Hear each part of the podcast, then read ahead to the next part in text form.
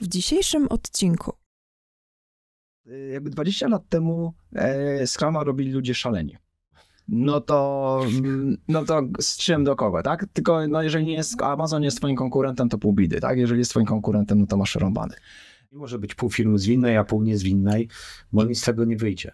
I, I ci deweloperzy wracają do firmy, mówią, jak mogliśmy dopuścić, żeby ci ludzie tak cierpieli? Uważam, że to w ogóle fajny przykład, e, który podałeś i Google'a i, i Zapus właśnie, bo pokazuje, że to nie jest takie łatwe e, i jednoznaczne i trzeba poszukiwać w tym tego własnego, własnego celu tak? Bo zamiast, e, zamiast, żebym ja do ciebie i powiedział, hej, zobacz, co się tu dzieje, to ja wyślę, wyślę tiketa do ciebie, a najlepiej, żeby jeszcze było, jak mam jeszcze tą strukturę rozbudowaną, to, to nie jest tak, że ja mogę wysłać do ciebie bezpośrednio, tylko ja zrobię tiketa, mój menadżer pisze do twojego menadżera i twój, twój menadżer dopiero przypisuje tego tiketa. To jest zabawne, jak ja to mówię, ale to się dzieje w firmach. Pamiętaj o zasubskrybowaniu kanału, a jeśli chcesz wziąć udział w nagraniach, zgłoś się do nas. Sponsorem odcinka jest Open Nexus, twórca fundacji Kreatywni dla przyszłości. Witamy na kanale Świadomie Myśląc. Dziś moim gościem e, Tomek Wykowski. Cześć Tomku. Cześć i witam Was wszystkich. Jakbym miał Cię przedstawić, to jedyny e, trener, akredytowany trener e, Scrum Alliance, do tego jeszcze bardzo aktywnie działający nie tylko we własnej firmie Procognita, ale także współzałożyciel Ale Kraków. Myślę, że podaję, że drugiej co do wielkości polskiej społeczności Agile. Więc gratulacje Dzięki. na wstępie. W imieniu Ale Kraków oczywiście. E, autor też książki, którą tutaj mm, przyniosłeś, pochwal się. E, Biznes oczarowany to jest książka, e, która powstała kilka lat temu. Teraz akurat pracuję nad drugą edycją, w związku z tym tym bardziej chcę się pochwalić, więc poczekajcie z zakupem ewentualnie. Nie, nie czekajcie, nie, nie czekajcie, kupicie tą, a potem kupicie a potem drugą i zobaczycie jaka jest różnica. Nie rewolucja, bardziej ewolucja ten Scrum, o którym wspomniałeś, jak go przekazać ludziom językiem ludzkim, bym powiedział. Mhm. Czyli to jest coś, co bym sugerował, żebyście swojemu menadżerowi kupili, tak w skrócie. Prowadzisz też dwa podcasty przy okazji, dodamy linki w opisie. Dzięki. E, I do książki również, że, że, żeby e, ułatwić e, słuchaczom, jeżeli Was zainteresuje, to w opisie dostaniecie link. I teraz, jakbym miał to pierwsze takie pytanie zadać, jak dużo według Ciebie lubię zaskakiwać. Jak dużo według ciebie łączy Scrum z Turkusem? No to dobre pytanie, bo byśmy tak dwie, trzy godziny potrzebowali na pełną odpowiedź. Krótka odpowiedź jest taka, jeżeli popatrzysz na, na model Loxa, e, czyli, czyli, czyli te, te, kolejne, te kolejne poziomy e, i zobaczysz na te pomarańczowe organizacje, które są mocno kontrolujące, one będą e, silnie sprzeczne z koncepcją adaptacyjności. Nie dlatego, że jakby nie zadziała ta adaptacyjność zupełnie, tylko dlatego, że w momencie, kiedy będziesz kontrolował, będziesz wprowadzał silną hierarchię w organizacji, będziesz yy, yy, trzymał decyzyjność na górze organizacji, a egzekucję na dole organizacji. Ta organizacja podejmować decyzje będzie wolniej naturalnie, no bo jakby jeżeli masz sześć warstw organizacji, to od momentu, kiedy ktoś ma problem do momentu, kiedy ktoś podejmie decyzję na górze organizacji, mija ci kilka tygodni, jeżeli jest to ważna decyzja do podjęcia, prawda? Najczęściej kilka miesięcy, co powoduje, że adaptacyjność masz mniejszą, tak?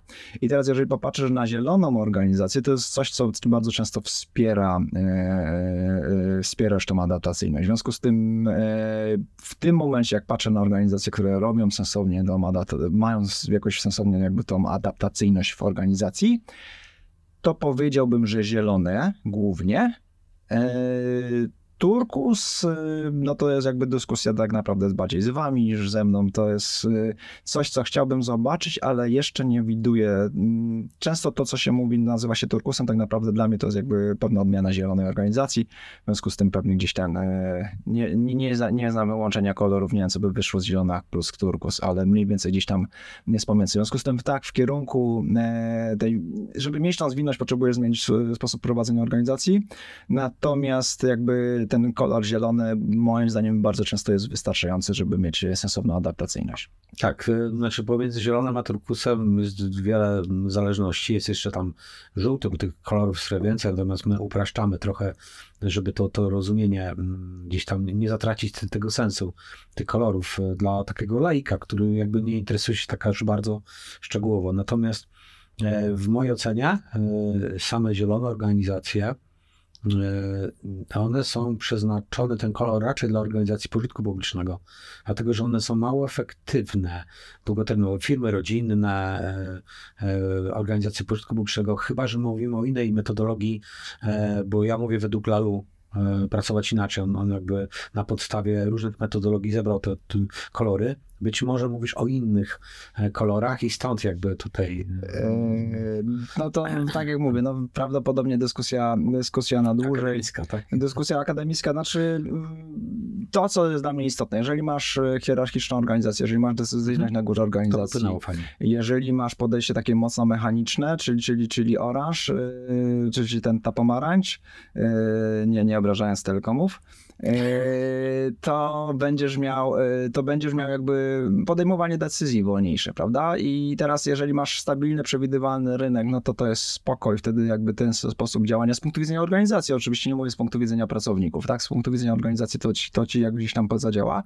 Yy, ten turkus dąży do tego, żebyś miał zupełnie płaską strukturę, czyli bez jakby formalnego, e, bez, bez formalnych liderów, bez formalnych menadżerów. Większość organizacji, które odwiedzam, którymi pracuję, tą strukturę gdzieś tam ma dalej wbudowaną, tak? Ale jest w stanie robić tą adaptacyjność, zmienia się oczywiście rola tego lidera, w związku z tym no, jakby ten, ten, e, ten kolor zielony jako kolor pośredni. I teraz czy, czy, czy firmy mogą być zielone, no to jest dłuż, dłuższa dyskusja. Tak. E, e, czy mogą? Moim zdaniem tak, no bo jeżeli odchodzisz od pomarańczy, idziesz w kierunku turbusu i nie masz jeszcze tej takiej płaskiej struktury, no to gdzie jesteś w którym kolorze, nie? Tak, no, oczywiście jest to przejściowa, zresztą to nie jest tak, że wszystkie zespoły są na, na równi, więc w organizacjach są różne odcienie kolorów, więc to też jest to jest tylko podążanie, to jest w jakieś takie, e, takie ramy, czy, czy coś, co nam ma sygnalizować, w jakim kierunku podążamy. Nigdy się nie udaje dość osiągnąć takiego stricte tego koloru. Wiesz, czysto praktycznego, mm, jakby takich, żebyśmy już przeszli na, na, na przykłady. Google miał kiedyś tak, że wpadli na pomysł, zrezygnujmy z menadżerów, nie? Mamy kompetentnych ludzi, inteligentnych, zatrudniliśmy najlepszych, po co nam menadżerowie? I w pewnym momencie ci ludzie powiedzieli, hej, my jednak chcemy tych menadżerów. My jednak wolimy, kiedy ta struktura jakaś jest, żeby ten menadżer oczywiście to nie jest menadżer, który przypisuje nam zadania. To nie jest człowiek, który nam mówi, co ma robić, ponieważ jakby, no nie po to mamy wykształcenie, nie po to jesteśmy inżynierami, żeby nam ktoś mówić, co mamy robić, ale są pewne rzeczy, które fajnie, żeby ktoś, ktoś ogarnął, ktoś zarządził. Oni wrócili do, jakby z takiej struktury bez menadżerów, wrócili do struktury, e, struktury z menadżerami. W związku z tym, czy to jest w tym momencie Turkus? No Chyba nie, prawda? Nie, nie ale to nie ale znaczy, to jest coś Tak, złego? ale pomarańcz to też na pewno nie jest, nie prawda? Jest. Tak, tak, jest im najbliżej. Pomimo tego zostawili bardzo dużo elementów z turkusu, a po prostu też um, oni się stali z ósmej przeglądarki światowej, kiedy zaczęli OKR wdrażać pierwszą, stali się globalną firmą e, i też e, zauważyli, że mają tą potrzebę, rosną dynamicznie i tam wiele rzeczy się zmieniało i brakowało tej, tego styku i podejmowania decyzji na, na styku procesach, w pewnych trudnych decyzjach i, i ludzie najzwyczajniej potrzebowali tego, tego wsparcia menedżerskiego w tym, w tym przypadku. Uważam, że przy małych zespołach tylko w samej takiej kolorystyce jest możliwe do utrzymania, a im będzie większy zespół, tym no większa właśnie, potrzeba. Właśnie to jest kwestia. Nie? Jak, jak jeszcze 60, 100, 200 osób, to, to, to czy ta struktura jest możliwa, prawda? No znowu Zapos, słynny, słynny case y, eksperymentował. E, zresztą mieliśmy przyjemność, e, jak już polecamy linki, mieliśmy przyjemność bycia w Zapos, zobaczenia Zaposa Trzetka. Tak, tak mamy, podrzucę też linka e, dla wszystkich, że, że opisaliśmy jakby tą, tą wizytę w środku, bo mieliśmy tam przyjemność, że e, naszym przewodnikiem po Zapos była e, kobieta, która była menadżerem w Zapos przed transformacją. E, jak poszła transformacja, rzuciła papierami, bo stwierdziła, że się nie odnajduje w nowej organizacji. E, poszła do jakiejś dużej firmy e, zajmującej się tam płatnościami, karty kredytowe i tak dalej. Wytrzymała tam kilka miesięcy i powiedziała, że woli pracować na infolinii w Zapoz niż na stanowisku menedżerskim w nowej firmie. Więc to też jakby pokazuje, e, pokazuje tą kulturę. Natomiast no, mm, jakby to są rzeczy skorelowane. A powiedziałbyś Mhm. króciutko naszym widzom, czym się trudni firma Zapas, bo to świetny case i, i tro, troszeczkę przemianie, a ja zachęcę do książki. Dobra. Tytułu sobie nie przypominam. właśnie. Pewnie. Y, Jest, znaczy Zapos jakby powstała mm, w kontekście budowania, y, przepraszam, sprzedaży butów po prostu. To była firma, która miała sprzedawać Ale znaczy Zalando, buty. nie Zalando, tylko eobuwie.pl. Tak. Bo oni I- byli wcześniej. I w pewnym, tak, znaczy to, to był moment, kiedy jeszcze nikt nie wiedział, że można sprzedać buty przez internet, kiedy oni zaczęli. E, I w pewnym momencie oni mocno zaczęli eksperymentować ze swoją, e, ze swoją kulturą. Bardzo ciekawe jest w ogóle jakby to, co, co, co, co, co powstało w wyniku, e, ta kultura, która powstała w wyniku takich eksperymentów. E, między innymi na przykład to, że oni powiedzieli, że najważniejsze jest zadowolenie klienta, oni to nazywają efektem wow, co oznacza, że Twoim celem, jeżeli pracujesz na infolinii, musisz dopieścić, e, dopieścić klienta, który, który dzwoni. Nieważne z czym dzwoni. E, Człowiek, z którym rozmawialiśmy, spędził chyba 10 godzin, jeżeli dobrze pamiętam, na, na e, on, był, on pracował z, na, na słuchawce, nie? I spędził tam 10 godzin rozmawiając z klientem na temat gier fantazy, prawda? Więc może zadzwonić do zapus, pogadać na dowolny temat. Oni mają jakby do, do, do, dopieścić, tego, dopieścić tego klienta, żeby ten klient, klient wrócił. W związku z tym na przykład nie mają targetów na temat tego, jak e, e, mają e, szybko zakończyć rozmowę. Mają jedyny, jakby jedyna metryka dla nich istotna to jest prędkość odebrania telefonu. Jeżeli dzwoni telefon, to e, 80-90% chyba telefonów muszą odebrać poniżej pół sekundy, teraz, znaczy pół minuty, teraz zgaduję, już nie, te, te, te metryki nie pamiętam, to można znaleźć u nich y, na, na stronie, czy w, czy w naszym artykule, ale y, jakby celem jest o, do, dopieszczenie klienta, prawda, ten efekt wow. E, I oni potem z, zrobili e, ten eksperyment właśnie w kierunku, e, kierunku płaskiej struktury, w kierunku, w kierunku holakracji, e, w kierunku właśnie te, te, tego, e, tego turkusu.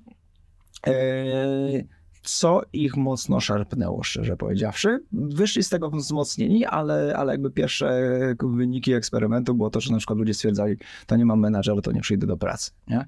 I, I nagle się okazało, że, że ta metryka, że mają 90% telefonów odebranych, to nagle im to spada na 20-30%, prawda? W związku z tym bardzo ich to zabolało.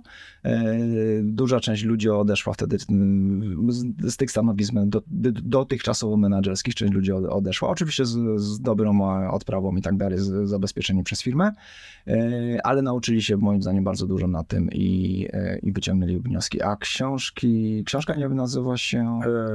E, Dobra, no to, Właśnie, to potem ale dodamy link w opisie. E, napisana przez CEO, e, CEO Tonego Hiesza. Tak, i w ogóle była inspiracją do napisania przez nas turkusowych rewolucji, turkusowe rewolucje.pl. E, Główna inspiracja to właśnie ta, ta książka.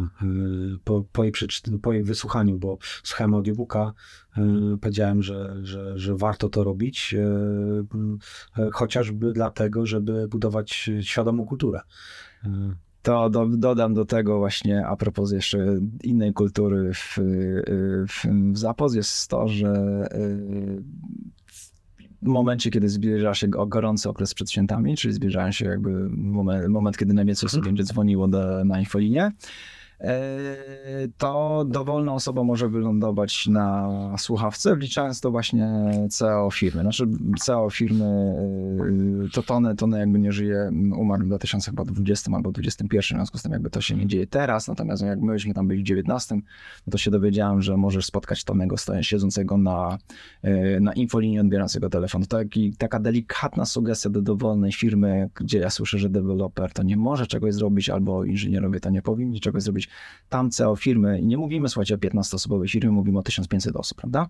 Tam CEO firmy lądował na słuchawce, odbierał te, odbierał te telefony i, i rozmawiał z użytkownikiem. Fantastycznie to daje informacje zarządowi firmy na temat tego, że co, z czym dzwonią użytkownicy, co przeszkadza użytkownikom i tak dalej, i tak dalej. Sugeruje dowolnej firmie e, kontakt z użytkownikiem.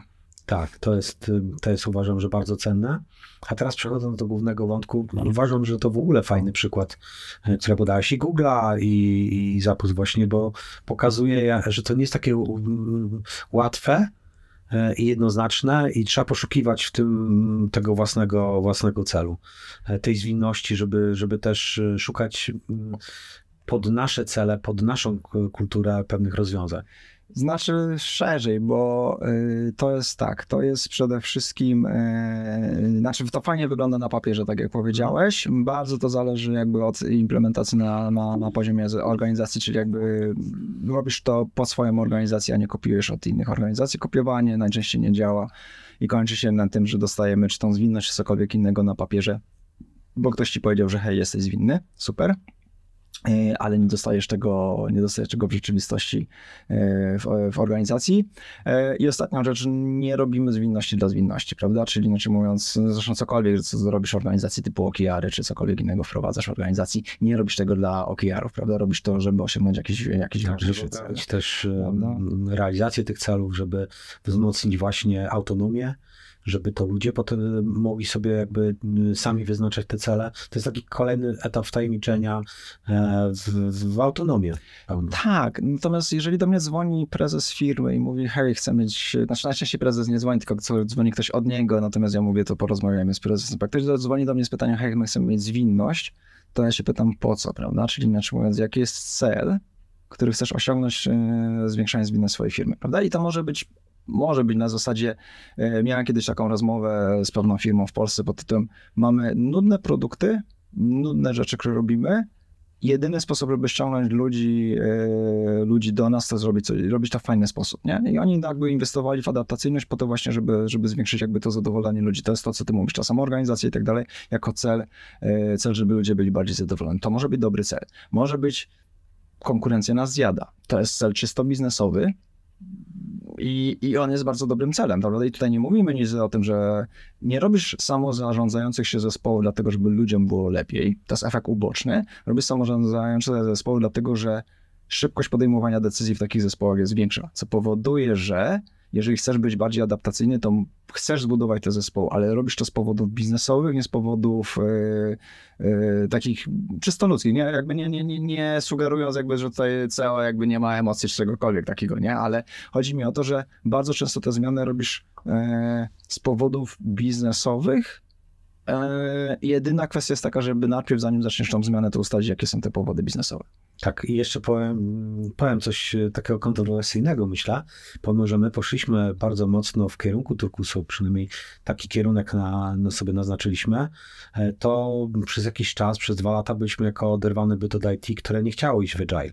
I zwinność i poszło w jakby w, w przeprojektowanie aplikacji, ale w sposób niezwinny, prawie nas to wyłożyło, i musieliśmy wewnętrznie dojrzeć, tak? I poukładać sobie to, że e, i tak nam jakieś tam czynniki zewnętrzne też pomogły. Nie wiem, czy sami byśmy dolecieli e, do, do tego jakby. E, natomiast tutaj idziemy w, w mega właśnie podejmowanie decyzji oddolne, a nie ma zwinności w, w kluczowym obszarze dla, dla, dla, naszego, dla naszego rozwoju. Ja nie mówię, że to było to zobaczenie, bo, bo chciałem, żeby ludzie sami do tego doszli, bo z jakichś powodów takie, a nie inne decyzje podjęli, ale bardzo dużo czasu upłynęło, zanim jakby mm, doszliśmy do wniosku, że jednak ta zwinność jest nam potrzebna jak powietrze. To, to, to, I to też w, szczególnie w IT, czyli tutaj była inna, inny kierunek. Po z jest tak, że od IT się zaczyna zwinność, a nie ma jej w pozostałej części firmy, co uważam, że jest też największym błędem, no bo e, zarząd chce po swojemu, czy pozostałe zespoły chcą po swojemu, ale tylko w IT zróbmy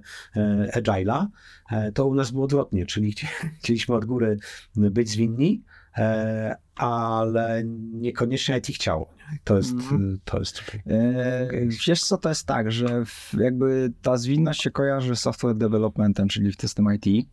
E, I tam się najczęściej zaczyna, tak? I teraz e, możesz mieć pewną adaptacyjność, jeżeli zrobisz to na poziomie zespołów, ale jeżeli nie zmienisz całej struktury organizacji, nie zmienisz sposobu podejmowania decyzji, nie zmienisz właśnie tego, mm, gdzie są te decyzje podejmowane, nie zmienisz tego, jak nagracasz ludzi, nawet tysiące rzeczy nie zmienisz, jakby z całej, całej, hmm. całego systemu, e, to pewnie szału nie będzie, prawda? I teraz bardzo często zaczyna się to od, od IT, IT w pewnym momencie mówi, hej, ale my chcemy dalej i potrzebujemy pewnych zmian i mm, jest fajny przykład teraz y, w Krakowie w ramach, w ramach tych wywiadów, co, y, co, co wspomniałeś y, tego podcastu. Rozmawiałem z Sebastianem Kulpą z Softnetu. Softnet to jest firma, która robi oprogramowanie, systemy dla, dla banków spółdzielczych, tak? I oni zaczęli robić pewne eksperymenty właśnie w ramach zespołu IT. Ale w pewnym momencie zobaczyli, dobra, ale nie mamy tutaj ludzi, którzy definiują wymagania, nie mamy ludzi, którzy testują ten system. Co się musi wydarzyć? Musimy zmienić tak naprawdę strukturę ze struktury silosowej na strukturę, gdzie masz zespoły cross-funkcjonalne, czyli, czyli jakby posiadające wszystkie kompetencje, prawda? E, co to spowodowało? No spowodowało to, że się pojawiła dyskusja z zarządem. Zarząd zobaczył, że jakby to się musi wydarzyć. Zarząd podjął decyzję, dobra, to to robimy. I w pewnym momencie ta, ta zmiana zaszła na poziomie całej organizacji, hmm. prawda? E, z drugiej strony mam case'y, to, to, to wy, jesteście, wy jesteście dobrym też case'em, ale mam, mam, mam, mam takie przypadki, gdzie właśnie ta, ta współpraca zaczyna się od, y, od nie software'u, bo my wchodzimy, software nam mówi, nie tykaj tego, co mamy, wchodzimy jakby do firmy na zasadzie, hej, przyjdźcie do nas, ale tego wam nie wolno ruszać. I czasami to, co nam wolno ruszać, to są właśnie zespoły niesoftware'owe e, i zaczynają się fajne rzeczy dziać, bo na przykład zaczynają zespołu customer supportu, zaczynają zespołu marketingu, zaczynają zespołu sprzedaży działać zupełnie inaczej, zupełnie jakby w magiczny sposób, no czy magiczny, no, jako konsekwencja tej zmiany yy, zaczynają jakby mieć dużą większą efektywność I nagle te zespoły IT są zapraszane do, na te spotkania tego zespołu sprzedaży. Zespół sprzedaży mówi: Hej, nasi klienci narzekają na to. Co dwa tygodnie dostaje te zespoły IT ten feedback, i te zespoły sprzedaży w pewnym momencie, te zespoły jakby IT zaczynają mówić: Dobra, to co się musi po naszej stronie zmienić, żebyśmy coś z tym zrobili. I wtedy to, co się dzieje, tak naprawdę to, to propaguje ci z, z tych takich zespołów nie software'owych e, na software. No, i że, żebym tylko dokończył, ostatnia, ostatnia, y, ostatnia jeszcze taka gigantyczna teraz zmiana, która się zacznie dziać, powoli się dzieje, ale ona jakby będzie większa, to jest hardware, czyli tworzenie sprzętu. Y, I, I to się powoli dzieje, to się dzieje w firmach, które robią kontakty, to się dzieje w firmach, które robią y, pralki, suszarki itd., tak itd. Tak I tam podejście adaptacyjne też będzie coraz się pojawiało coraz bardziej. Okej, okay. konsensus jest tego taki, nieważne jak zaczynamy, czy zaczynamy od IT, czy od pozostałej firmy, to cała firma powinna być agile. Nie, nie może być pół firmy zwinnej, a pół niezwinnej, bo nic z tego nie wyjdzie. Eee, inaczej. Nigdy nie będziesz miał całej firmy zwinnej, zwinnej, bo jakby znowu to nie jest cel. Mm, mhm. Ja to traktuję jako skalę szarości, może mieć bardziej zwinną, mniej zwinną, tak? Mhm. Czyli na przykład jeżeli, nie wiem, yy, wczoraj mieliśmy fajną dyskusję w ramach Agile Poznań, czego też warto pozna- yy, wspomnieć, jako że jesteśmy w Poznaniu. Yy, jeżeli dostarczałeś do tej pory raz na rok, i teraz dostarczasz raz na trzy miesiące, czy to jest zwinne, czy nie. Z punktu widzenia biznesu tamtej firmy jest to bardzo zwinne, tak? Z punktu widzenia firm software'owych na rynku, które istnieją i działają zwinnie od dłuższego czasu, no to sorry, ale jeżeli ty w 2023 roku robisz release raz na, raz na 3 miesiące, kiedy dekadę temu Amazon się chwalił, że on robi release'a co 12 sekund średnio, no. to, no to z czym do kogo, tak? Tylko no jeżeli nie jest, Amazon jest twoim konkurentem, to pół bidy, tak? Jeżeli jest twoim konkurentem, no to masz rąbany. E, w związku z tym traktujemy to jako, jako skalę szarości, po pierwsze. W związku z tym nie mówię, że coś jest winne, co nie jest winne. Coś jest bardziej zwinne niż, niż było, tak? Tak jak z to nie da się tego koloru osiągnąć, tak samo tej zwinności. E, więc mnie interesuje, gdzie jesteście, gdzie, gdzie, znaczy, gdzie firma jest, gdzie, gdzie, może być, gdzie może być za pół roku. E, I druga kwestia jest taka, w dowolnej firmie będziesz miał, to to co powiedziałeś dokładnie do Turkusu, w dowolnej firmie będziesz miał e, różne odcienie szarości, tak? Czyli będziesz miał zespoły, które zaczęły wcześniej, będziesz miał zespoły, które zaczęły później. Wiadomo, że pewne, to co robią zespoły, które zaczęło później, nie będzie tym, co robią teraz zespoły, te, które mają więcej doświadczenia. Wracając do Softnetu, który wspomniałem, yy, mogę ich chwalić, znaczy mogę jakby o nich mówić, no bo jest to nagrane, więc w związku z tym mogę, mogę to wspominać. Yy, zespół Sebastiana zaczął dużo wcześniej, ma dużo większe doświadczenie i robi pewne rzeczy, na które pozostałe zespoły jeszcze nie są gotowe. Co oni na przykład robią? Robią na przykład spotkanie co dwa tygodnie, na których zapraszają wszystkich swoich klientów, więc 60-80 osób z banków się zwania, to są i jacyś inżynierowie na zasadzie ci, co będą to wdrażać, i jacyś użytkownicy tych systemów i prezesi tych banków wydzwaniają się i przez pół godziny porozmawiają o tym, pokazują im e, to, co zrobili przez ostatnie dwa tygodnie. fantastyczna rzecz, nie?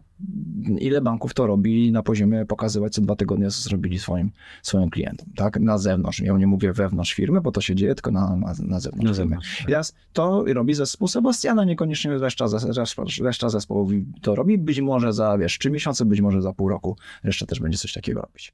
Wyższa Szkoła Zarządzania i Bankowości i Open Nexus. O trybie podstawowym od podstaw, a o przetargu nieograniczonym bez żadnych ograniczeń. To doskonała okazja do nawiązania nowych kontaktów, poznania nowych ludzi, ekspertów w branży i wymiany doświadczeń. Program studiów opartych o Procure.com.eu to kompletnie nowa jakość. Będziemy się skupiać nie tylko na umiejętnościach twardych, już wiemy, że znacie ustawę, ale także na umiejętnościach miękkich, takich jak komunikacja wewnątrzzespołowa, zarządzanie zespołem, czy też prowadzenie negocjacji z wykonawcami.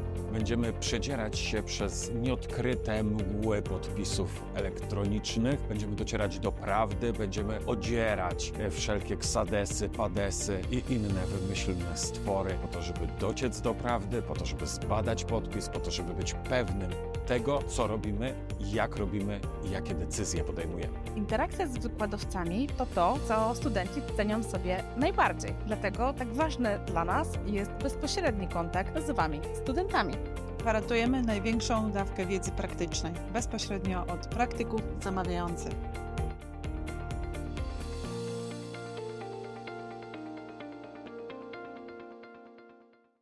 Super. A jakbyśmy mieli teraz wejść mu i pokazać różnicę, żeby też mm, definicyjnie ktoś, kto jest laikiem, albo ktoś, kto ewentualnie nie, nie rozumie tych pojęć, jaka jest różnica pomiędzy Scrumem a Agile? Dobra, to chyba to jest pierwsze pytanie, które powinniśmy pewnie zacząć tak, tak, godziny ja- temu. Ja standardowo No zacząłem. i dobrze, i bardzo, bardzo dobrze. W związku z tym, słuchajcie, zacznijcie, ogl- zacznijcie oglądać ten film od tam 15 sekund, minuty, czy kiedykolwiek jesteśmy. Yy, dobra. Yy, to teraz tak. Yy, znowu w, super, super skrócie. Yy, to, co się wydarzyło w software developmentie w latach 90., to jakby nie, nie, nie, wszyscy, nie wszyscy już o tym wiedzą, czy, czy nie wszyscy pamiętają te rzeczy.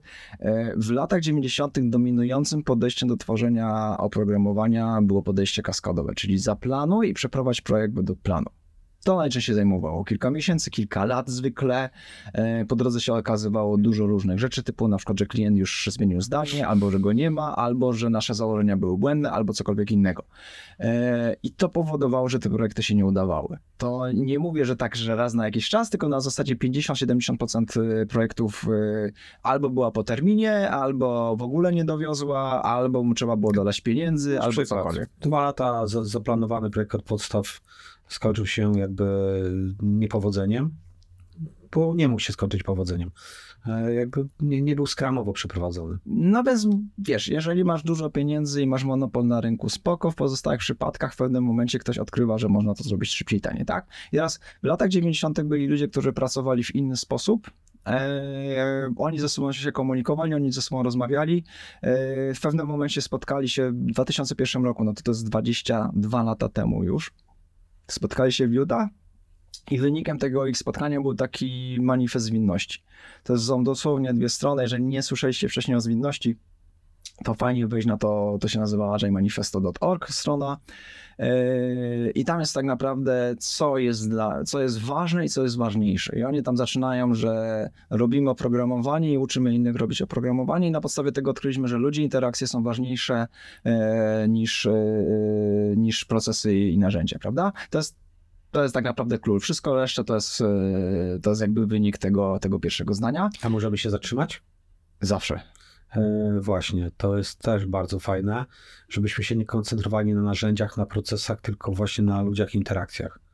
E, Czy to jest nadal aktualne jakby w tym manifestie? Znaczy, ma, nasz całe szczęście nikt nie dotknął manifestu przez ostatnie 22 lata, co jest moim zdaniem sukcesem, bo owszem, są firmy, które mogą powiedzieć, że niektóre elementy tego manifestu po 22 latach nie są aktualne, typu nie róbmy już projektów, tylko róbmy produkty, bardzo fajna, sensowna, sensowna koncepcja, Yy, ale wciąż za dużo firm nie robi tego, tego, tego, podstawowego jakby zbioru idei, bo to nawet nie są praktyki, tam są tak naprawdę zasady i wartości. Na bardzo wysokim takim e, poziomie po co to robisz, nie? E, typu staraj się mieć kontakt e, wzrokowy i dźwiękowy z użytkownikiem codziennie. To jest genialny pomysł, wracamy do zapas, prawda? E, staraj się minimalizować ilość roboty, znaczy maksymalizować ilość roboty niewykonane, czyli minimalizować ilość rzeczy, które zaczynasz, żeby, żeby się dowiedzieć po drodze tak naprawdę, co z tego, co robisz ma sens, prawda? Więc to są na poziomie wartości, na poziomie na poziomie zasad, tak? I, i sugeruję spokojnie na, na to popatrzeć. Teraz e, Jim Highsmith to jest jedna z, z osób, jedna z osób, która podpisała ten manifest. On ostatnio fajnie, e, fajnie powiedział, że de facto to było 17, 17 inżynierów, 17 inżynierów, Mhm. którzy zaczęli swoją wypowiedź od ludzi interakcji. I teraz trik polega na tym, że niezależnie od tego, co robimy, odkryjemy, że za tworzeniem tego produktu, jeżeli robisz coś skomplikowanego, złożonego, typu software, typu hardware, yy, to to jest złożony produkt najczęściej. Tam z tyłu stoją ludzie, więc może mieć cudowne procesy. To jest, to jest to, co żeśmy obiecywali ludziom w latach 90., że jeżeli będziesz miał dobre procesy, dobre narzędzia, to nieważne kogo weźmiesz, to się uda. Okazuje się, że nie, że jeżeli weźmiesz dobrych ludzi i zapewnisz im możliwość łatwej komunikacji czy interakcji, to oni sobie dobiorą na procesy i narzędzia. To nie znaczy, że nie mają procesów i narzędzia, narzędzi, tylko To jest wtórne. to jest jakby efekt uboczny, uboczny tego pierwszego, nie? I, i, i zaczynamy od tego, więc I zwij... nie można narzucać też tego. Tam jest bardzo dużo konsekwencji, tak? Bo jeżeli masz na przykład narzędzie ograniczające komunikację, co są bardzo popularne, teraz wszyscy używają tych elektronicznych narzędzi, prawda? E, super, tylko w większości przypadków one powodują, że nie rozmawiacie ze sobą, tak? Bo zamiast, e, zamiast żebym ja do ciebie podszedł i powiedział, hej, zobacz, co się tu dzieje, to ja wyślę, wyślę do ciebie, a najlepiej, żeby jeszcze było, jak mam jeszcze tą strukturę rozbudowaną, to, to nie jest tak, że ja mogę wysłać do ciebie bezpośrednio, tylko ja zrobię tiketa, mój menadżer pisze do twojego menadżera i twój, twój menadżer dopiero przypisuje tego tiketa. To jest zabawne, jak ja to mówię, ale to się dzieje w firmach. To jest, to jest, no bo pamiętaj, że ty masz bardzo dużo roboty, masz bardzo dużo różnych tiketów do zrobienia, prawda? W związku z tym to nie jest tak, że, że, że jakby... Robimy etykietę, a tracimy radość tego, co robimy. Przede wszystkim nie wiemy, po co to robimy. Tak. I jesteśmy super zajęci, nic nie dostarczamy. Więc, więc zwinność jest bardziej na poziomie tej adaptacyjności, tak? Bardzo wysoki poziom e, abstrakcji, wartości zasady, bez praktyk, bez konkretnych rozwiązań, nie? W związku z tym e, możesz mieć zwinność e, na różne sposoby. I teraz tak, ci ludzie, którzy się spotykali w, w, spotkali wtedy w 2001 roku, oni reprezentowali różne te sposoby, różne podejścia, tak? E, Było coś, co się nazywało, nazywa Extreme Programming. Wtedy było to najbardziej popularnym podejściem zwinnym. Tak zwane to się nazywało wcześniej lekkie metodyki, zanim to się nazywało z innymi metodykami. E, W odróżnieniu od ciężkich metody, czyli Waterfalla. Czyli mieliśmy Extreme Programming, Jeżeli o nim nie słyszeliście, a słyszeliście o Scrumie, bardzo was proszę, poszukajcie też informacji o Extreme Programmingu, tam jest bardzo dużo mądrych rzeczy. E, Był też Scrum, e, było też tam kilka innych, e, innych, e, innych podejść. I teraz to, co się, co, co się wydarzyło przez następną dekadę, półtorej, Scrum zdobył dominację. Jeżeli teraz e, są ankiety przeprowadzane, w jakim podejściu pracujesz, większość ludzi twierdzi, że pracuje w Scrumie albo w Scrumie e, czymś tam zmodyfikowanym, prawda? E, Więc Scrum jest jedną z implementacji, powiedzmy. Możesz po pierwsze tak, uzyskać adaptacyjność bez używania Scrama. E, Niestety to, co widzę, możesz mieć Scrama i nie mieć adaptacyjności. To znaczy masz z góry ustalony plan i robisz go iteracyjnie. Czy to ci daje adaptacyjność? No nie sądzę, ale możesz mieć wszystkie elementy Scrama, tylko dalej masz jakby mechanikę. To jest coś, co ja nazywam zombie Scrumem, tak? Czyli robisz, robisz Scrama, bo, e, bo ci kazali. To, co się wydarzyło przez te 20 lat, to jest jeszcze jeden taki komentarz historyczny. Czy za bardzo na- nakierowanie na narzędzie wtedy? Tak, tak. Znaczy to, co się, wyda- to, to, co się wydarzyło przez te 20 lat. y, Jakby 20 lat temu e, Scrama robili ludzie szaleni. Te odważni, szaleni pod tytułem na zasadzie y, hej, to, co robimy nie działa, spróbujmy czegoś innego. E, Tony, Tom, Tom Mellor, jak zadzwonił do, e, zadzwonił do twórcy Scrama e, Kena Schwebera i powiedział, hej, chciałbym spróbować tego twojego Scrama, to Ken mu powiedział, porąbało się, tak delikatnie powiedziawszy, nie? Bo to, było cholernie trudne, to był szalony pomysł, żeby to robić. Super pomysł, ale szalony, tak? To byli rebelianci wewnątrz organizacji, którzy to robili.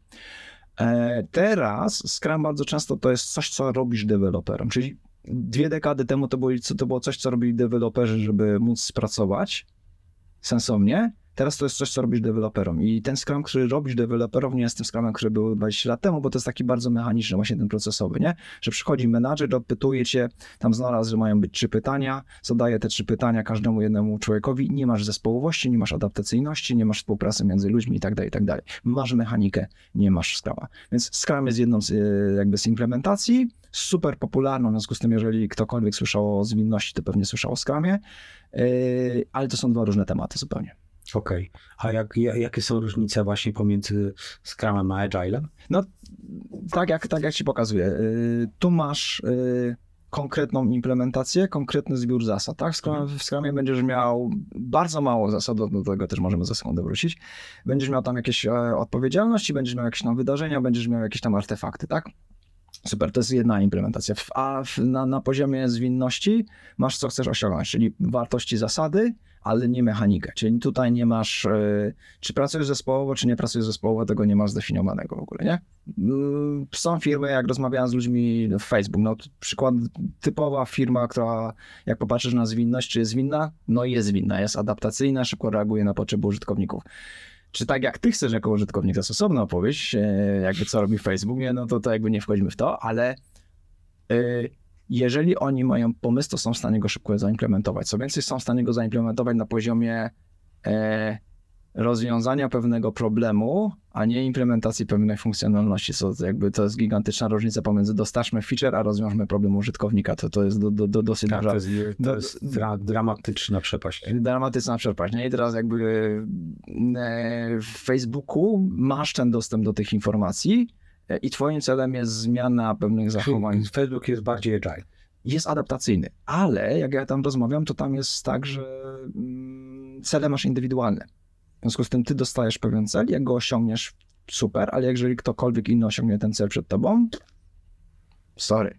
Teraz na przykład Scrum bazuje na, czyli może być adaptacyjny bardzo dużą e, bez zespołowości. Scrum bazuje na zespołowości. Jeżeli nie chcesz budować zespołów, to Scrum nie jest dla ciebie, tak?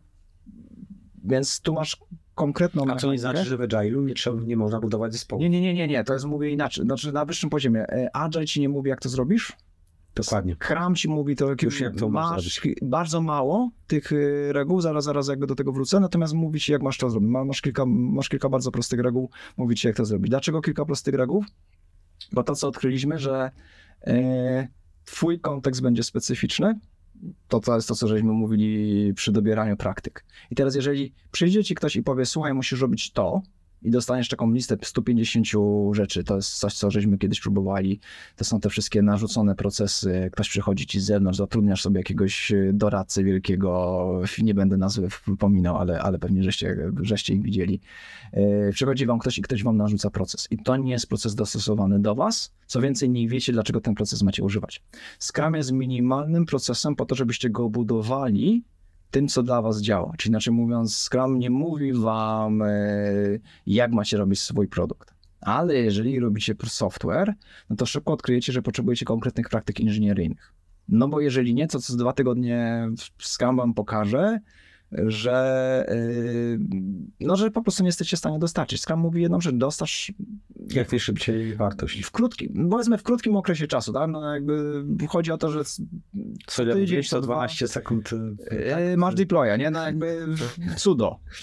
To- na, to na, jest dużej organizacji. To jest, kierunek, to, nie? jest, to jest ideał. Natomiast Scrum mówi coś takiego, przynajmniej na koniec krótkiego okresu czasu, do miesiąca, sorry, jeżeli robicie software i robicie to raz na miesiąc, to to już jest w 2023 to znowu trochę rzadko, ale powiedzmy raz na tydzień, raz na dwa tygodnie dostarcz coś do użytkownika. Tak? Jeżeli nie umiesz tego dostarczyć, to Scrum ci tylko wyłącznie mówi, nie umiesz tego dostarczyć. Mówimy, że Scrum jest jak teściowa, to znaczy żadnego problemu nie rozwiąże, ale wszystkie ci pokaże, nie? Więc jeżeli teraz zbudowałeś organizację, gdzie nie jesteście w stanie dostarczyć działającego oprogramowania co dwa tygodnie, w 2023 roku, to to jest wasz gigantyczny problem. I Scrum co dwa tygodnie ci pokazuje, że to jest gigantyczny problem. Po co dwa tygodnie przychodzisz, mówisz, hej, nic żeśmy nie zrobili, nie? I siedzisz. Jak dobrze to zorganizujesz, to jeszcze siedzisz z prezesem na tym spotkaniu. Wiesz, przychodzi zespół, mówi, hej, nic żeśmy nie zrobili.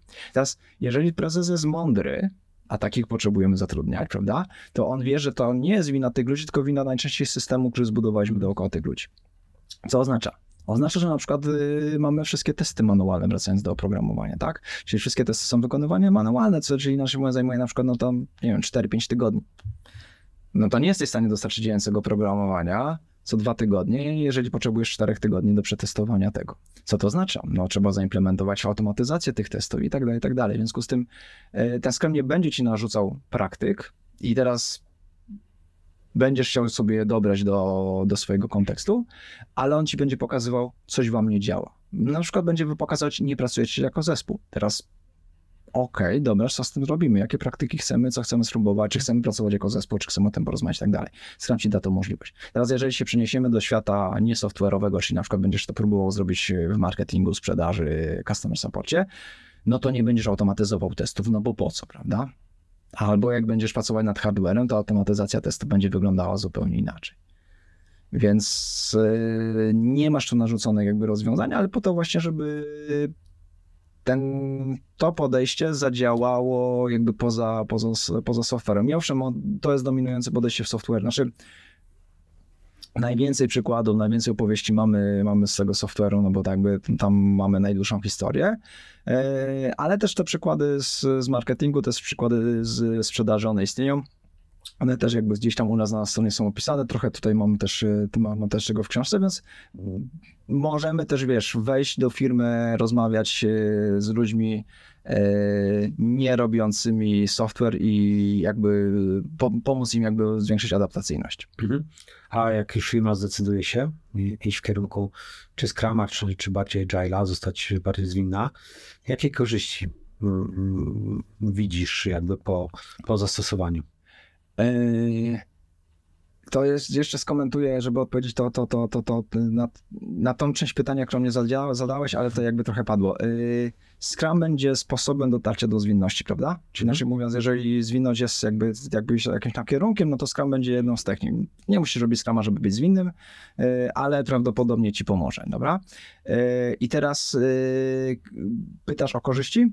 Mm, inaczej. Co wam w tym momencie, jeżeli ja przychodzę do firmy, to zaczynam rozmawiać, co wam nie działa, tak? Co, jakie macie problemy. Teraz z dużym prawdopodobieństwem jesteście na zmiennym rynku. To jest pierwsza kwestia, czyli biznes się zmienia, konkurencja robi coś szybciej i tak dalej, i tak dalej. Pytanie, czy wasze sposoby działania są na tyle adaptacyjne, żebyście byli w stanie zareagować na nową sytuację. Coś się dzieje na rynku, wchodzi konkurencja z nowym produktem, cokolwiek, czy jesteście w stanie zareagować, tak? Niektóre firmy są wielkim wysiłkiem. Mm, świetnie to by dzieje w czasie pandemii, tak? Większość firm była w stanie w czasie pandemii zareagować szybko.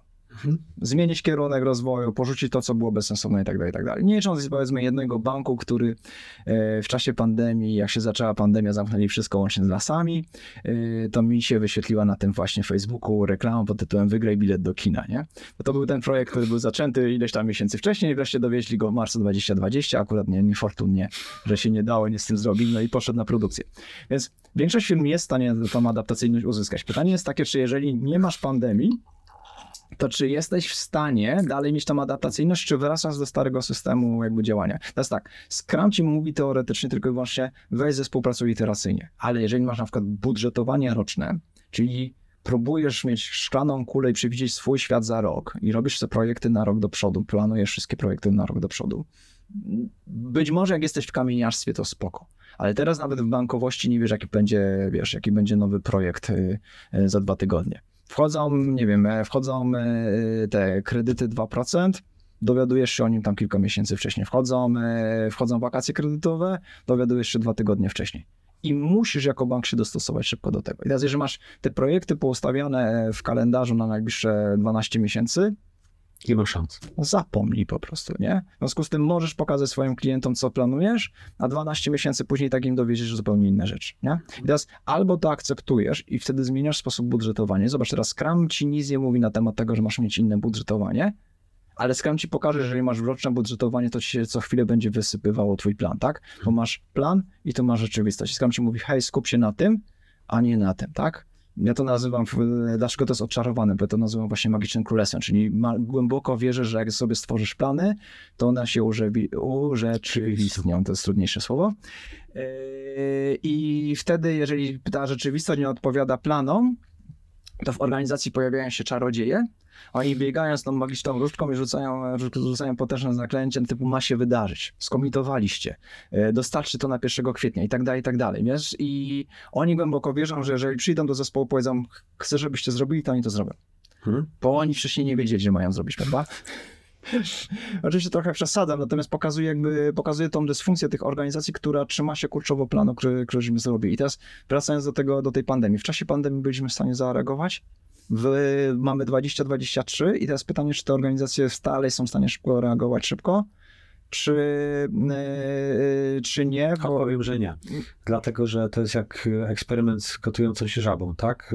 Pandemia to było to, że wrzucili nas do bardzo grządku, to wszyscy wyskoczyli i byli w stanie zareagować a w standardowych warunkach po prostu ta, ta woda jest stopniowo podgrzewana i już nikt nie myśli o... Ale de facto, żeśmy tą wodę ochłodzili teraz, nie? To, to jest trochę, że zobaczyliśmy, że nasza firma może pracować w inny sposób, mhm. prawda? Może być adaptacyjna, możemy pozwolić ludziom na przykład wrócić do tego, wrócić do, znaczy pracować zdalnie, nie? Jak to było skomplikowane w 19 roku. Ja, większość osób już nie pamięta tego, że w 19 roku, żeby, do, żeby w korporacji móc pracować zdalnie, to potrzebować 15 podpisów od 17 menadżerów, prawda? Yy, natomiast yy, natomiast yy, no to, to, to, to, to jest to pracować inaczej, prawda? To jest to, jest to wracamy do tego, że, że ta, ta, to zaufanie przesunięte na, przesunięte na zespół, bo nagle się okazało, że w czasie pandemii menadżer nie ma możliwości kontrolowania ludzi, prawda? Więc, więc, więc ta zmiana. Więc jedna kwestia jest taka, że masz y, tą stronę biznesową i potrzebujesz adaptacyjność po stronie biznesowej. Druga kwestia najczęściej to jest adaptacyjność po stronie technicznej. Czyli inaczej mówiąc, jeżeli y, jest duża dynamika mm, tej strony technicznej produktów, które robisz, i software jest pięknym przykładem tego, to szansa na to, że zaplanujesz coś za dwa lata, będziesz miał te same technologie, które zaplanowałeś, jest zerowa. Kiedyś słyszałem opowieść, pewne województwo w Polsce, nazwy nie pomnę, yy, na, na zapisało kon, napisało kontrakt na zrobienie strony tam województwa, czy jakiejś tam agencji, mhm. coś takiego. I teraz e, kontrakt chyba podpisali w 2009 roku, więc wymagania pewnie powstały w 2007 roku.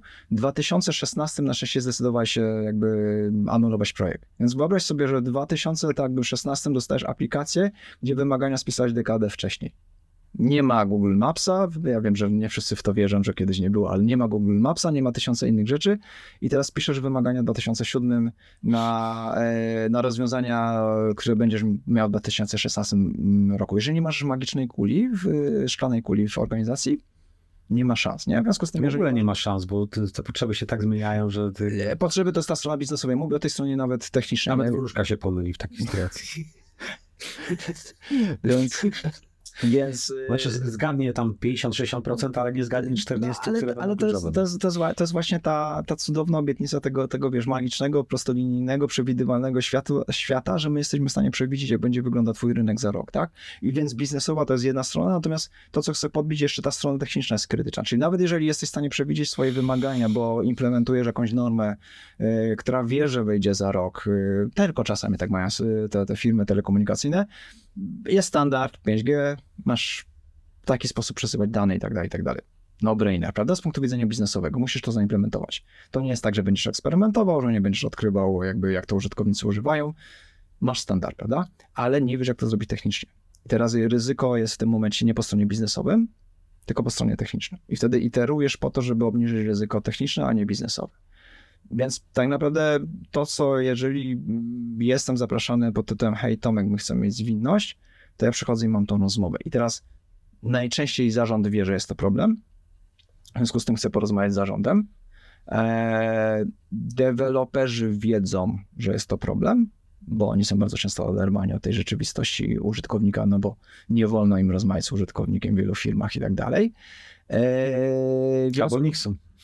Eee, Wiesz co, to, to, jest, to, to jest następna rzecz, do której, do której za sekundę wrócę. E, w związku z tym, z jednej strony ta praca musi być na poziomie zarządu, no bo tak jak mówię, jeżeli mam roczne budżetowanie, to żaden menadżer ci tego nie zmieni w organizacji, żaden deweloper ci tego nie zmieni w organizacji. To jest decyzja zarządu, żeby to zmienić, prawda? Mhm. Więc ja muszę rozmawiać z zarządem, a z drugiej strony muszę widzieć, jak to na, działa na poziomie zespołu e, i... e, i, e, i, i pomóc im jakby to zaimplementować, nie? Więc te dwa poziomy muszę, muszę jakby e, wspierać. Teraz wracamy do tego, nie po to skończyłem studia informatyczne, żeby z człowiekami rozmawiać, prawda? To jest to, jest to co że, nie chcą.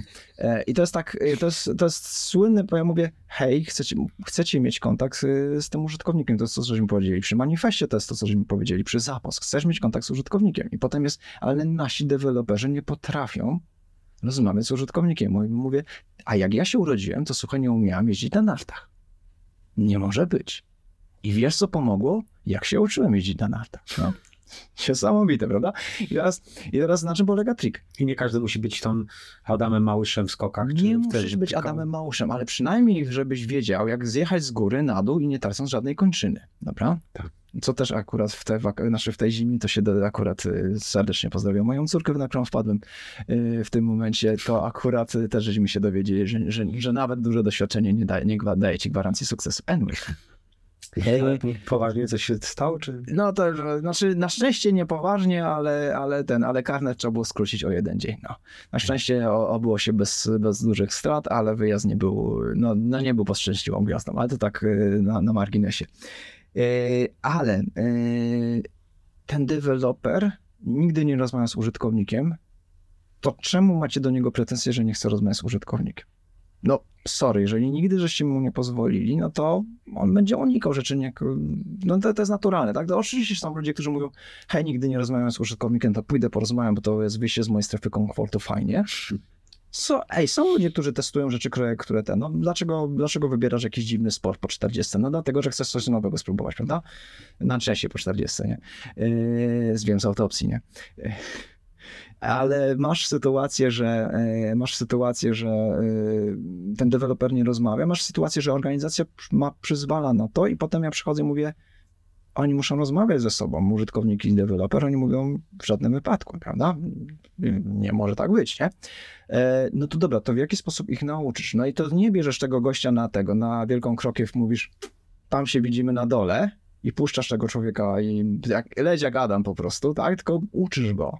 Czy najpierw go zapraszasz na zasadzie takiego, żeby się wsłuchał, że nie wiem, biznes rozmawia, a ktoś z biznesu rozmawia z użytkownikiem i ci ludzie mogą się dołączyć do, tego, do tej rozmowy. Masz nagrania tych rozmów e, i odtwarzasz tym ludziom te, te rozmowy, pokazujesz konkretne elementy tych rozmów, angażujesz ich i nagle się okazuje, że ci ludzie widzą, że ci użytkownicy stosują ten system nie tak, jak oni go zaprojektowali, i nagle się im włącza, że oni chcą się jednak odezwać i nagle mówią, ty, ale dlaczego to tak używasz?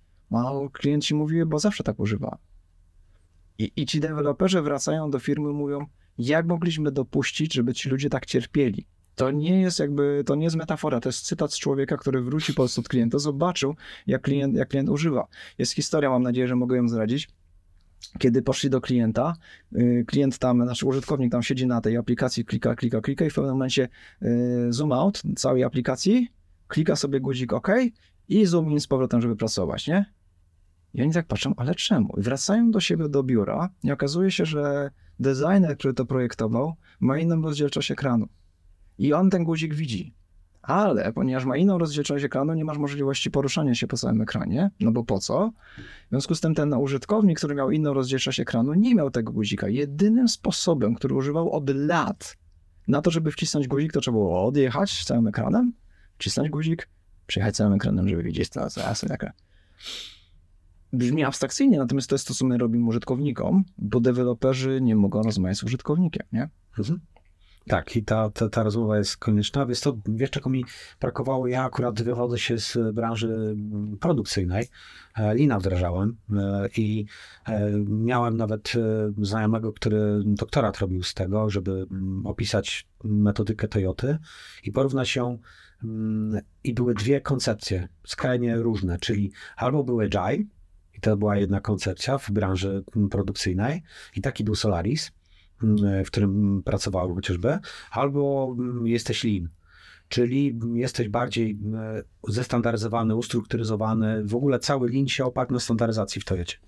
A w jakiś z powodów IT bierze sobie tą metodykę i miesza, zaczyna mieszać, czyli zaczyna mieszać z linowskimi rozwiązaniami, e, i robić to pod egidą Agile'a, gdzie to są w ogóle mm, skrajnie różne To koncepcje. nie są skrajnie różne koncepcje. Teraz, jeżeli popatrzysz na mm, e, źródło Scrama, to tam Mhm. jest taki artykuł, który się nazywa New New Product Development Game. Polecam go każdemu, e, kto chciałby jakby wie, dowiedzieć się więcej na temat tego, jak się twor- są tworzone produkty. Teraz w tym, produk- w tym, no, w tym artykule e, dwóch profesorów analizuje różne podejścia do tworzenia oprogramu, e, do tworzenia fizycznych produktów. Mhm. Tam są kserokopiarki, tam są aparaty fotograficzne, tam są samochody. I oni zauważają, że niektóre firmy kopiują, znaczy stosują takie podejście, które wcześniej przekopiowali zresztą z NASA, to jest jakby coś, co się potem do- dowiedziałem, e, które polega na tym, że masz wydzielone fazy, czyli masz jedną fazę, drugą fazę, trzecią fazę, czwartą fazę. Nie, oni to nazwali e, biegiem ze sztafetą, bo przekazujesz jakby fazę po fazie. My to nazywamy waterfallem ogólnie teraz, prawda? E, Natomiast bardziej, lepsze efekty odniosły firmy, gdzie te fazy się nakładały, czyli inaczej mówiąc, oni pracowali razem. I oni to drugie podejście nazwali Scrumem. Stąd jakby nazwa Scr- Scrum w, w, w, tym, podejściu. E, W artykule jest więcej jakby szcz- szczegółów, natomiast jakby chcecie... Czy on masz ten artykuł, żebyśmy link dodali do... Yy, On jest, on jest, znaczy dodamy link, on jest z Harvard Business Review z Okej. 86 roku, możecie go znaleźć, ale tak mu dodamy też link. I teraz tak, yy, te firmy, które pracowały bardziej adaptacyjnie, właśnie ten, ten, ten, ten, tym Scrumem, to były firmy linowe, więc jeżeli, po- jeżeli popatrzysz na Scruma, czy na a, koncepcję Agile, one bardzo czerpią z wielu koncepcji linowych. Tam nie ma, moim zdaniem, tam nie ma sprzeczności. Owszem, lin się wywodzi z, z, z fabryki i masz dużo większe pewne standardy, natomiast jeżeli pracujesz y, w software'ze, to też chciałbyś pewne procesy ustandaryzować. Tylko zobacz, lin to co robi, to na przykład decyzyjność na temat procesów deleguje na tego człowieka na linii fabrycznej. Mhm. OK. E, I masz tą, ma- masz tą e, jakby tworzenie procesu, czyli ten kaizeny i tak dalej, i tak dalej, poprawa procesu jest na linii fabrycznej. To samo chcemy mieć w podejściu adaptacyjnym, to chcemy mieć decyzyjność na temat procesów, chcemy mieć na dole organizacji, nie? Więc y, tam jest dużo rzeczy, rzeczy spójnych. To, że właśnie chcemy umocować tego dewelopera, czy tego człowieka na linii fabrycznej po to, żeby on mógł powiedzieć, hej, ten produkt jest niskiej jakości, ja mogę zatrzymać linię całą fabryczną, żeby poprawić ten produkt. Więc bardzo dużo tam, je, tam jest spójnych. Moim zdaniem tam nie ma sprzeczności. Zresztą jedno, jedną jakby z rzeczy, które, e, które, które promujemy, to jest Lean Software Development. Tutaj jakby sugeruję zacząć od książki e, Mary i tam Apopendik, e, gdzie to jest jakby opisane, jak przenieść te Mhm. koncepcje na software. E, No i dookoła tego jest jakby du, du, dużo takich, e, dużo, dużo technik. Oczywiście nie możesz tego mapować na zasadzie jeden do jeden, czyli przenosić, przenosić mechanicznie i robić pewne systemy. E, Tu jest odpowiedź, wiesz, bo Mhm. niektórzy próbują to mechanicznie robić i narzędzia pewne do mm, na siłę wrzucać i trzeba być wtedy bardziej agile, iść do manifestu i po co to robimy, dlaczego i, I to samo- człowieku. To się samo, zrobić. to samo masz w linie. Jeżeli, jeżeli tam popatrzysz na, e, na Toyota Way z 2001 roku, tam nie ma mechaniki. Tam, jest, e, tam masz dwie wartości e, i, i pięć filarów, nie? Tylko oni większość narzędzi wypracowali pod własne procesy, a potem te narzędzia Tak. próbowano na siłę Tak, tak, wdrażać. tak. Jeżeli, jeżeli wd- i to, jest doko- to jest dokładnie ten sam case, czyli jeżeli obierasz się na, na, na, na tych y, filarach, czyli szacunek dla ludzi, ciąg, kont- ciągłe doskonalenie, to są, to znaczy to są jakby te, te, dwa, te Mhm. dwa takie, takie mm, po- podstawy Toyoty, no to wtedy się zastanawiasz, jak to przenieść na swój, na swój, y, na swój świat. W związku z tym nie przenosisz jeden do jeden, nie bierzesz Andonu, nie bierzesz Kanbana, przenosisz jeden do jeden do software'u, bo to jest bez sensu, tylko się zastanawiasz, jaki problem jest rozwiązywany w ten sposób i próbujesz go zasymulować w świecie. Więc tam jest bardzo dużo e, koncepcji z Lina, które można przenieść. e, Czy Podsumowując, nie y, rozwiązanie, narzędzie i metodyka i jedziemy według metodyki, tylko co chcemy osiągnąć i po to dobrać odpowiednie rozwiązanie. Czyli to, co de facto od początku, początku Tak, mówimy. tak, nie, tak, nie, tak. nie implementujemy, nie implementujcie Agile'a dla Agile'a. I druga rzecz, e, nie implementujcie Agile'a przez kopiowanie cudzych rozwiązań, bo e, e, bo prawdopodobnie to nie są rozwiązania waszych problemów. E, Na świecie, jakiś czas temu e, Henryk Nieberg nagrał taki fajny film, on się nazywał Spotify Engineering Culture. I on na nim pokazywał, jak Spotify działa. I potem na świecie pojawił się bardzo, zrobił się bardzo popularny tak zwany Spotify model.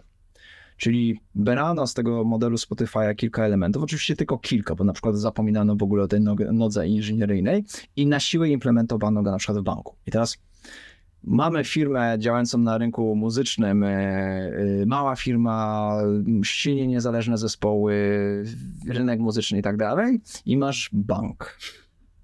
No, co może później tak, jeżeli weźmiesz rozwiązania ich problemów, przeniesiesz, e, przeniesiesz do innej organizacji? No i surprise, skończyliśmy z tribami, kończyliśmy z tam, wiesz, z gildiami i tak dalej, tak dalej, tylko to dalej w tym banku nie działało, nie?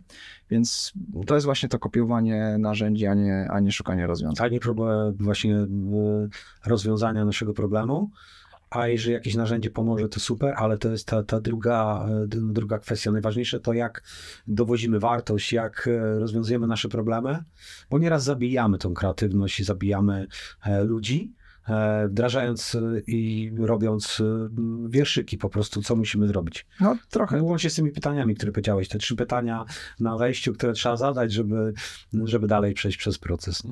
No trochę, trochę wracamy do, do tego właśnie, no, nie, nie, nie narzucajmy tych, nie narzucajmy narzędzi, tylko zobaczmy jakby jaki problem rozwiązujemy, tak, czyli no, nie mechaniczny Scrum, tylko, tylko rozwiązanie problemu. Co też jeszcze jedna rzecz chyba warto tutaj podbić e, e, przy naszej rozmowie. E, nie ma rozwiązania, które zadziała na pewno w waszej firmie. Jedyne, co możecie zrobić, to jest jakby podejście eksperymentalne. Czyli planujemy eksperyment, przeprowadzamy eksperyment.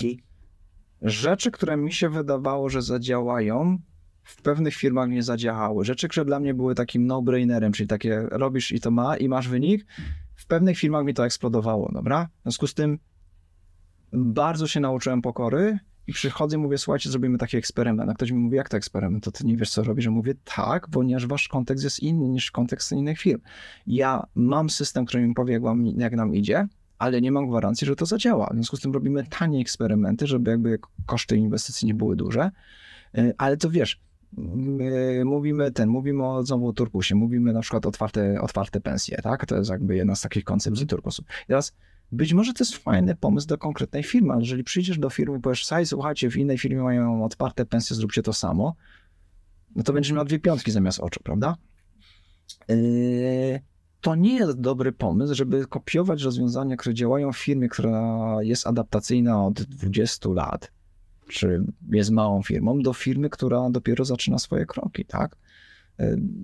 Wiesz, no tak jak nawet mówiłem, mówiliśmy o tym, e, o tym spotkaniu z, z klientami e, w, w Softnecie, tak? Softnet musiał się, znaczy zespoły, te, te zespoły, które to robią, musiały się tego nauczyć. Musiały poeksperymentować. Pierwsze review poszło tak sobie, nie? Więc na drugie review mieli lepszą kamerę, lepszy mikrofon i tak dalej. Lepiej to zorganizowali, lepiej sobie przygotowali agendę i tak dalej, nie? E, ale to nie jest tak, że ja ci przyjdę i powiem, w każdej jednej firmie powinniście to robić bo być może wy nie jesteście gotowi i będzie większa krzywda dla was, jeżeli to zrobicie, niż, e, niż zysk z tego. Tak, e, jak najbardziej rozumiem. Tak mm, podsumowując nasz wywiad, już. Spokojnie. Czy są firmy, w których jakby ta metodyka się ewidentnie nie sprawdzi? Czy masz już takie... dobra, inaczej. zmiana na podejście adaptacyjne mhm. wymaga dużego wysiłku to jest duża inwestycja. W związku z tym, jeżeli to, co robisz, ci działa, to z dużym prawdopodobieństwem, zaraz do tego wrócę, dlaczego ci działa, to z dużym prawdopodobieństwem to nie ma sensu. Dlaczego ci to działa? Dlatego, że A, masz monopol na rynku, albo wiesz, jest pięć firm tak naprawdę, e, B, masz za dużo pieniędzy bo jesteś sponsorowany, robisz jakieś super trendy, produkt i tak dalej, można dolać kasy, nie? E, to wtedy jakby opór materii przed tą zmianą będzie na tyle duży, że prawdopodobnie ta zmiana nie nastąpi. Dlaczego się dzieje zmiana na przykład w tym, w automotywie? Dlatego, że wchodzi ci Tesla, zaburza ci cały rynek działania i nagle się okazuje, że firmy typu BMW, Volkswagen i tak dalej albo zmienią swój sposób działania, albo za chwilę zostaną w tyle. Tak? Przez ostatnie dekady nie trzeba było tego robić, dopóki się nie pojawiła Toyota, tak? Toyota do, tak, tak samo za, zaburzyła rynek. Ale, ale tak, ale Tesla zrobiła jeszcze w ogóle Ale Tesla zrobiła dokładnie... kroków. Dobra, Nawet Tesla... Toyota powiedziała, jak rozebrała auto Tesli, że no nie jest w stanie przez najbliższe 5-6 lat dojść do tego. Dobra, i teraz zobacz, Toyota zrobiła rewolucję w latach 80., Tesla robi teraz rewolucję. Teraz albo, na, albo jakby zrobisz coś tym fantem, albo pa, tak zwane żegnamy się z rynkiem, nie? To, to jakby mm, przeżycie nie jest obowiązkowe, nie? Ale w momencie, kiedy masz bezpieczne środowisko i możesz dodać pieniędzy mm, oil and gas tak zwane, tak? Czyli jak, jak to mój kolega mówił, y, on z Kanady, w związku z tym ma, ma, ma specjalizację, jak masz, wiesz, firmę, która wydobywa gaz i, i, i- ten, i, i ropę, no to jak masz za mało pieniędzy, to co robisz? Dolewasz więcej pieniędzy, tak? No, za wolno pracujesz, zatrudniasz 200 osób, no who cares, nie? Masz tej kasy, masz tyle po prostu. I te firmy prawdopodobnie nie potrzebują tej adaptacyjności, bo ona jest trudna, to tak jak z Linem, on jest trudny. Większość firm twierdzi, że ma Lina, czy twierdzi, że ma Agile'a. No sorry, no to koło Agile'a nawet nie leżało tak zwane, nie? I Trzeba też pokory mieć trochę. Tak, natomiast jakby jeżeli nie widzisz dobrego powodu, żeby zmieniać, czyli chcesz robić Agile'a, żeby mieć Agile'a, to prawdopodobnie zmienisz nazewnictwo, tam twoi project managerowie zostaną Scrum Masterami, wiesz, powymyślasz sobie tam kilkanaście rzeczy, ale nie zobaczysz sensownych biznesowych rezultatów. To, co mnie interesuje, to nie jest to, żebyś miał Agile'a, tylko żebyś miał biznesowe rezultaty. Jak nie potrzebujesz, bo masz monopol na rynku, yy, to to się nie zadzieje. I, I nie rób tego wtedy. poczekaj, żebyś miał dobry powód. To znaczy, to jest to, co ja ci powiedziałem, nie? Zaczynam od rozmowy z zarządem. Chcę zacząć od rozmowy z zarządem, żeby się dowiedzieć po co. Jeżeli oni nie wiedzą po co, no to prawdopodobnie to się nie uda. To, to ja bym wolał, wiesz, y, spędzić czas na przykład na rozmowach w studiu nagrań. Prawda jest taka, że podchodzisz do tego zdroworozsądkowo. Niewielu z takich e, doradców, szczerze, pomimo, że wielu spotkałem. E, I to jest już, myślę, to, że robisz to z serducha i po prostu lubisz to robić i, e, i wierzysz w to, co robisz i nie chcesz robić czegoś, żeby tylko klepać to po prostu. Tak, wiesz co, to jest troszeczkę tak, ja zawsze mówię, że e, jakby długość mojego życia jest na tyle ograniczona, że ja bym chciał zobaczyć jakieś rezultaty, nie? W związku z tym, jeżeli ja na przykład wchodzę do, do firmy, to ja chcę zobaczyć te rezultaty. Jeżeli ja widzę, że się nic nie zmienia, to lepiej jest dla mnie z punktu widzenia psychicznego i dla firmy z punktu widzenia finansowego, żebyśmy się po prostu pożegnali, nie? Że- Żebyśmy nie, nie ciągnęli tego, bo po prostu jakby w, uniknąć fikcji na zasadzie, że, że, że się dzieje. Yy, kolega od nas z zespołu powiedział, że, że czasami ten, ten taki, taki, wiesz, Scrum Master, Agile Coach z zewnątrz, konsultant i tak dalej, to trochę jak taka karta w multisport, nie? Masz ją, ale nie używasz, ale się czujesz lepiej, ponieważ masz kartę multisport i mógłbyś pójść na siłownię. Dobra, tego jeszcze nie, nie, nie, nie słyszałem. Nie, jak można nawiązać z tobą współpracę, jakby ktoś chciał? Damy link do twojej strony. No, myślę, że najprościej wejść na stronę, tam w dowolnym miejscu macie telefon, w dowolnym miejscu macie maila, jest ciężko go nie zobaczyć na tej stronie. E, I tak naprawdę to, co mamy, to, to, co my robimy, to albo wiedza, czyli inaczej mówiąc szkolenia, czyli jeżeli chcecie po prostu dołączyć na szkolenia otwarte, to, to, to zapraszam serdecznie. Mamy ludzi od nas y, z Polski, mamy ludzi z zagranicy, ponieważ pewna wiedza jakby chcę, żeby ona spływała nie tylko i wyłącznie y, y, z polskich doświadczeń, więc wybór tam jest duży. E, No i bardzo często jakby konsekwencją e, tych szkoleń jest to, że potem, no dobra, ale jak to zrobić w naszym kontekście, tak? Czyli jakby mamy te zasady, mamy te wartości, mamy jakieś przykładowe praktyki, jak to przenieść na nasz kontekst, no to wtedy bardzo często staramy się nawiązać ten kontakt, ustalić właśnie z zarządem, e, jaki jest problem do rozwiązania, jeżeli jest dostęp do tego zarządu. E, Chyba, że zarządu nie ma w turkusowej firmie. e, Wiesz co? fikcyjny. Są osoby bardziej mniej decyzyjne w każdej firmie. Tak. Okej, będą takie, no, które miały wpływ. I teraz z tymi ludźmi, tak, którzy rozumieją szerszy kontekst, ja muszę porozmawiać, żeby, To jest fajnie, szerszy kontekst. żeby Tak. zrozumieć, jaki problem rozwiązujemy, tak? Ponieważ jakby e, nie jesteś w stanie zrobić wszystkiego naraz i jakby błąd, który możesz popełnić robiąc e, zwinność, to spróbować wszystko równocześnie, tak? Mhm. Czyli inaczej mówiąc, jakby tu coś robisz, tam coś robisz, tam coś robisz, nie ma żadnych rezultatów. To to sa- samo zresztą masz w biznesie, nie? Jeżeli, jeżeli próbujesz 15 feature równolegle dostarczyć, to nie dostarczy żadnego, prawda? Eee, czy 15 KPI masz, prawda, na, na, na, na, na dodany kwartał, to nie dostarczysz niczego. I teraz próbujesz dos, do, dostarczyć mało, w związku z tym, z kim chcemy ustalić ten cel. Jeżeli ja wchodzę mm, w relację z firmą, to co chcemy osiągnąć, tak? To może być cokolwiek, to może być, yy, mm, potrzebujemy szybszy, szybszy czas odpowiedzi do, od klienta, czy do klienta, w sensie potrzebujemy szybciej dostarczać, yy, potrzebujemy zobaczyć wartość, nie wiemy dlaczego nie dostarczamy tego, co mamy na datę, tysiąc powodów, prawda? Więc ustalamy na czym się skupiamy i, i, i od, te, od tego będziemy wychodzić. Dziękuję Ci bardzo e, za ten wywiad. Myślę, że tutaj e, mogliśmy w niektórych obszarach wsadzić kij w mrowisko, a jeżeli tak, to dobrze, to zobaczymy to w komentarzach. E, Może nie każdemu się spodoba ten kierunek. Czekamy. Tak, czekamy. E, Ja ze swojej strony mogę zaprosić, jeżeli masz coś ciekawego do przekazania, zgłoś się do nas. Nie, nie możemy obiecać, że jakby z każdym przeprowadzimy wywiad, natomiast każdą propozycję waszą rozważymy. No, dziękujemy za to nagranie. Dziękuję Tobie, e, Tomku. Cieszę się, że miałem Ciebie okazję osobiście poznać. Wielkie dzięki, no i ja wam dziękuję, że dotrwaliście do końca z nami. Cześć. Cześć.